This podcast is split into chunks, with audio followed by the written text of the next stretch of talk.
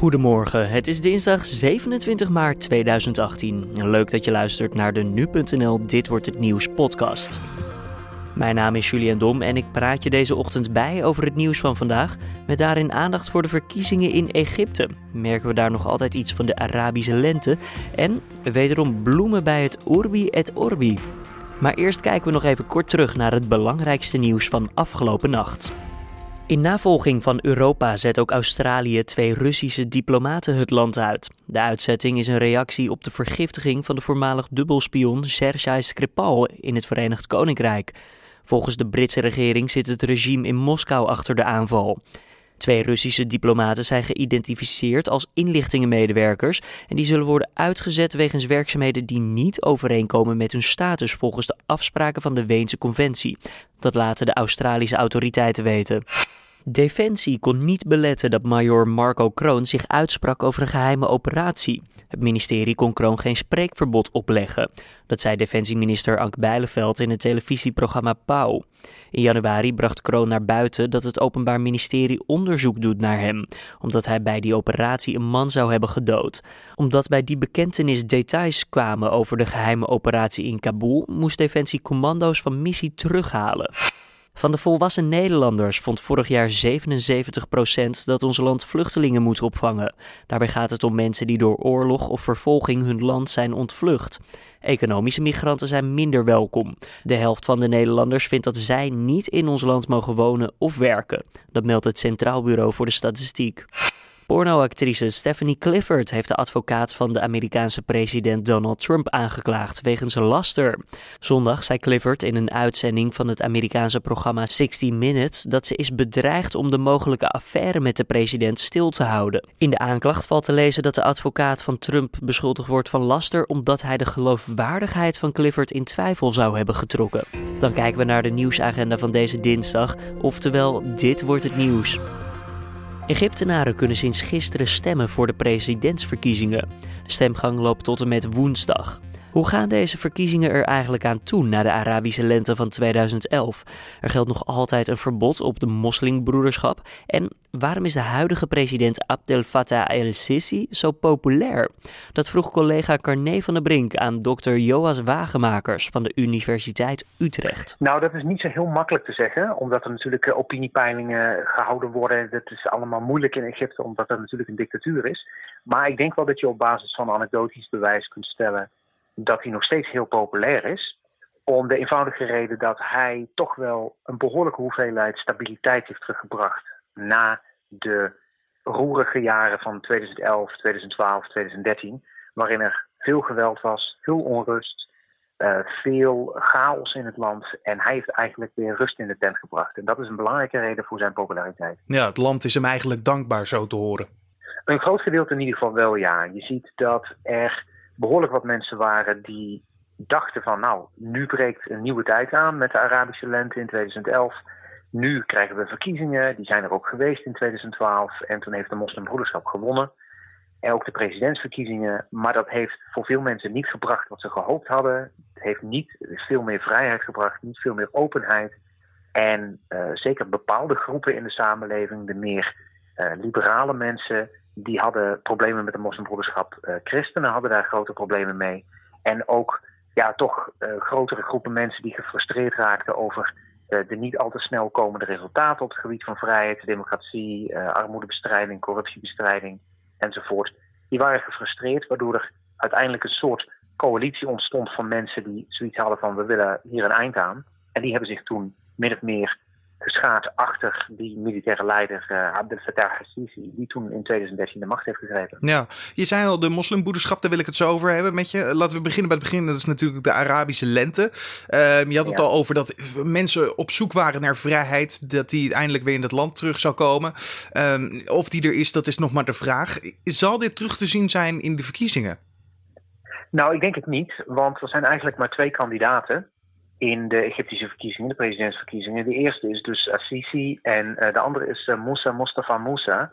En dat is iemand die eigenlijk compleet loyaal is aan Assisi en die meer meedoet om te laten zien van kijk, er is ook nog een andere kandidaat, dan dat hij werkelijk echt een kandidaat is die een alternatief vormt Dus het maakt eigenlijk niet zoveel uit uh, waar je op stemt. En in die zin is denk ik de vergelijking enigszins. De, zijn de verkiezingen te vergelijken met die van Rusland die we laatst hebben gehad. Waarbij er in principe wel ja, vrijheid is om te kiezen. Maar dat het in de praktijk gewoon neer gaat komen op dat Assisi de nieuwe president wordt. Ja, want die moslimbroederschap is nog altijd verboden. Dus er is ook geen oppositie meer. Nee, dat was echt de belangrijkste oppositie. Er was wel wat, wat meer oppositie dan alleen dat. Um, je ziet dat er een belangrijk deel van de bevolking in 2012 op islamistische partijen heeft gestemd. Dus op partijen die de islam gebruiken als een politieke ideologie. Mm een, deel dat, een deel daarvan, de moslimbroederschap dus, die is gewoon verboden. Er zitten heel veel mensen van opgesloten. Uh, sommigen zijn ter dood veroordeeld. Uh, heel veel zijn ook gedood door de politie of door het leger. Een ander deel van die oppositie, uh, dat zijn meer salafistische groepen die dus een, een wat islam aanhangen. Die zijn voor een groot gedeelte hebben zich teruggetrokken uit de politiek. Of, en dat is nog significanter misschien, hebben zich heel loyaal opgesteld aan Assisi. Dus die zeggen echt nu van je moet gaan stemmen, je moet loyaal zijn aan de president. En die zijn dus eigenlijk heel duidelijk geen oppositie meer. Dat waren ze ooit wel misschien, maar dat zijn, die, ze hebben helemaal hun politieke ideeën zodanig aangepast dat ze loyaal zijn aan uh, de krachten en de machten die er nu zitten. Ja. En dan heb je nog een gedeelte van de samenleving dat zich gewoon erg bekommert om zaken als mensenrechten, vrijheid, democratie enzovoort. En die zijn gedeeltelijk gecoopteerd door het regime omdat ze ja, een hekel hadden aan de. En dachten van dat willen we in ieder geval niet. En gedeeltelijk zijn die er ook nog wel dat ze zeggen van wij zijn heel ontevreden over de situatie nu. Maar ja, die mensen kunnen geen vuist maken, die hebben geen eigen kandidaat, die hebben niet een gezamenlijke agenda enzovoort. Dus in feite is er niet echt een oppositie. En je zit natuurlijk ook met het probleem dat het land Egypte ook regelmatig opgeschrikt wordt door aanslagen. Hebben die eigenlijk nog invloed op de verkiezingen? Ja, ik denk het wel, want dat bevestigt het idee dat Assisi een sterke leider is die uh, de rust in de tent houdt, die veiligheid brengt. Uh, het Egyptische leger is uh, heel veel bezig om radicale groepen in de Sinai-woestijn te bestrijden. Ze hebben ook echt geprobeerd om, anders dan bijvoorbeeld de moslimbroederschap, een wat meer ja, ecumenische benadering te nemen. Dus dat ze bijvoorbeeld ook explicieter dan de moslimbroederschap bijvoorbeeld christenen erbij te betrekken. En dat heeft erin geresulteerd dat veel mensen zoiets hebben van ja, oké, het is misschien net als Mubarak was voor de Egyptische, voor de Arabische lente. En het is misschien niet ideaal, maar ja, onrust en aanslagen, dat is nog minder fijn. Dus je ziet dat de houding die er is ten aanzien van Assisi heel erg lijkt op die van Mubarak. En dat er ook ja, een soort gelatenheid is van we moeten het maar accepteren, want eh, beter hebben we op dit moment niet. Hoe zullen de eh, verkiezingen eigenlijk nog verder gaan lopen, denk je? Want het zijn meerdere dagen. Hoe zal het er verder nog uitzien? Nou ja, kijk, wat je ziet is dat er dus in verschillende delen van het land gestemd gaat worden natuurlijk. Egypte is een groot land met uh, vele miljoenen inwoners. Tientallen miljoenen zelfs. En um, daarom is het zo, uh, zo langdurig. Daarom duurt het meerdere dagen. Maar ik denk dat we uiteindelijk zullen zien dat uh, weinig mensen op zullen komen dagen, omdat heel veel mensen de moeite niet zullen nemen. En dat zie je natuurlijk vaker bij dictaturen, dat mensen over het algemeen de moeite niet nemen. Maar de mensen die wel de moeite zullen nemen, die zullen waarschijnlijk op Assisi stemmen en hij gaat zeker winnen. Dus dat, uh, dat is een uitgesloten zaak dat er iemand anders gaat winnen. Je hoorde dokter Joas Wagemakers van de Universiteit Utrecht. Dit weekend is het Pasen. Voor velen betekent het flink wat chocolade-eieren eten, familiebezoek, maar ook de Nederlandse bloemen op het Sint-Pietersplein in Vaticaanstad. Ook dit jaar worden ze namelijk weer vanuit Nederland overgebracht voor het Urbi et Orbi. Een van de grote spelers achter dit project is Paul Dekkers. Hij is Master Floral Designer. We vroegen hem hoe de reis er ongeveer uit zal zien. We zijn nu bezig met het, uh, met het inpakken van, uh, van alle rozen, van de lelies, van de cymbidiums. Dat wordt allemaal geladen hier in Rijnsburg. Morgen vroeg eh, dan wordt eh, de rest daarbij geladen. Dan praten we over de bloembollen. 35.000 bloembollen en dan uh, alle andere materialen wat mee moet. En steekschuim en noem maar op. En dan gaat het vanuit de keukenhof gaat het transport naar Rome. Nadat het gezegend is. Ja, ik ben eigenlijk gewoon vooral benieuwd hè, naar het begin. Waarom, waarom doet Nederland eigenlijk dit en niet een ander land? Nou, het is in ieder geval zo dat het uh, uh, inmiddels een traditie is dat Nederland het doet. En het is ooit begonnen uh, in midden jaren 90, 1985 met een heiligverklaring, zaligverklaring bedoel ik, van, van Titus Brandsma. Dat was een versiering in de Friese kerk, de Pelgrimskerk voor de Nederlanders in Rome. En toen hebben de gebroeders van de Voort dit initiatief geopperd. En dat is uh, met, uh, met grote wijde armen ontvangen natuurlijk. De bloemversiering maken op het Sint-Pieterplein. En vanaf toen is het, uh, mogen wij dat als Nederlanders ieder jaar doen. Dus natuurlijk voor de Nederlandse sierteelt een geweldige promotie. Precies, maar heeft het nog naast de, de versiering van het Sint-Pietersplein eigenlijk nog een andere betekenis voor dit geheel? Nou ja, goed. Je moet je voorstellen, zo'n Sint-Pieterplein, een plein wat, ja, wie kent het niet?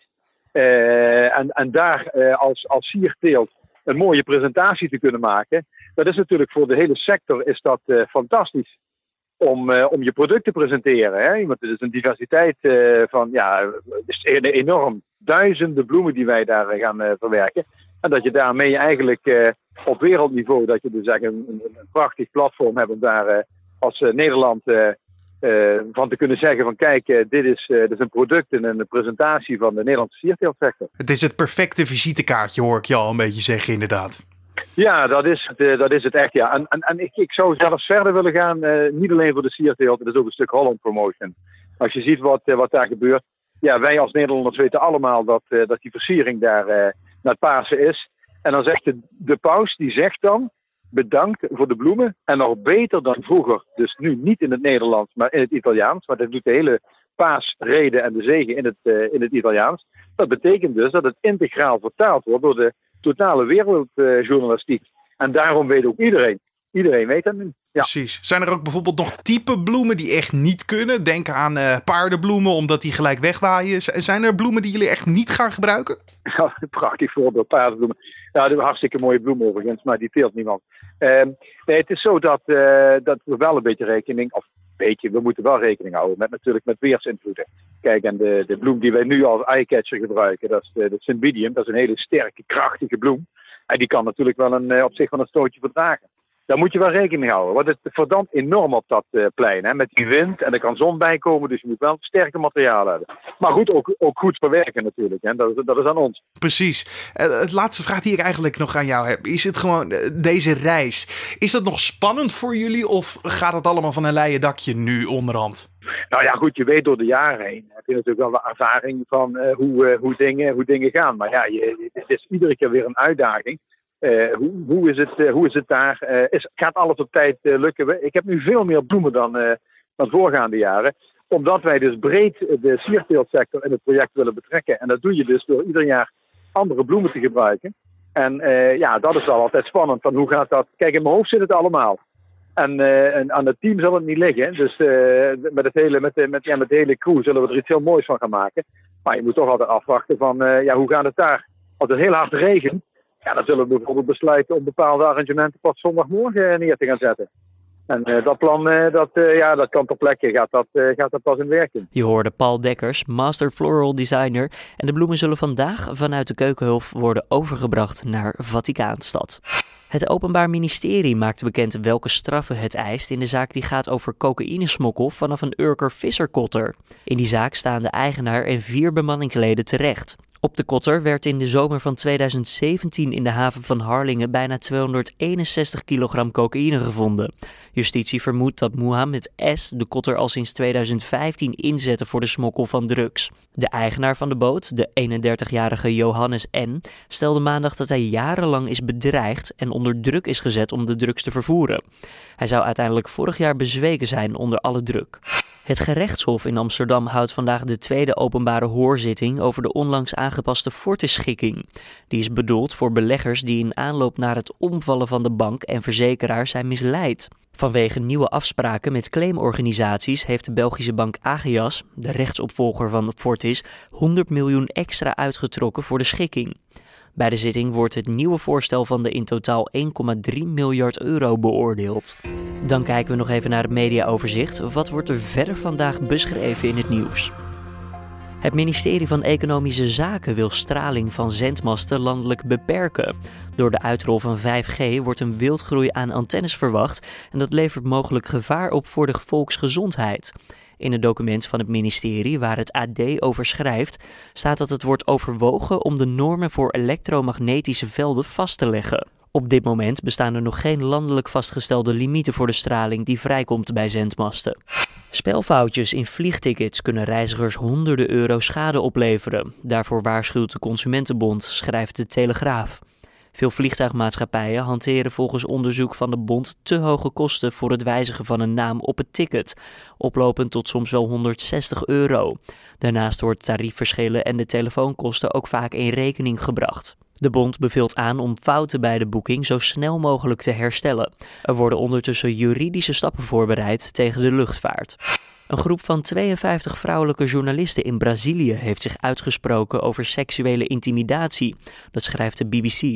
In een video die hoort bij de campagne is te zien dat vrouwen worden betast tijdens live-uitzendingen.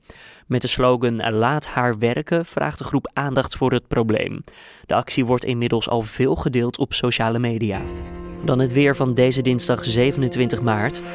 Het wordt een bewolkte en regenachtige dag. De zon laat zich vrijwel niet zien en de temperatuur zakt iets naar zo ongeveer 8 graden. Dit was dan de Dit wordt het nieuws podcast van deze dinsdag 27 maart. Je vindt de podcast maandag tot en met vrijdag om 6 uur ochtends op nu.nl. Vond je het een goede podcast? Laat dan eens een recensie achter op iTunes of stuur even een mailtje naar redactieapenstaartje nu.nl. Voor nu, tot morgen.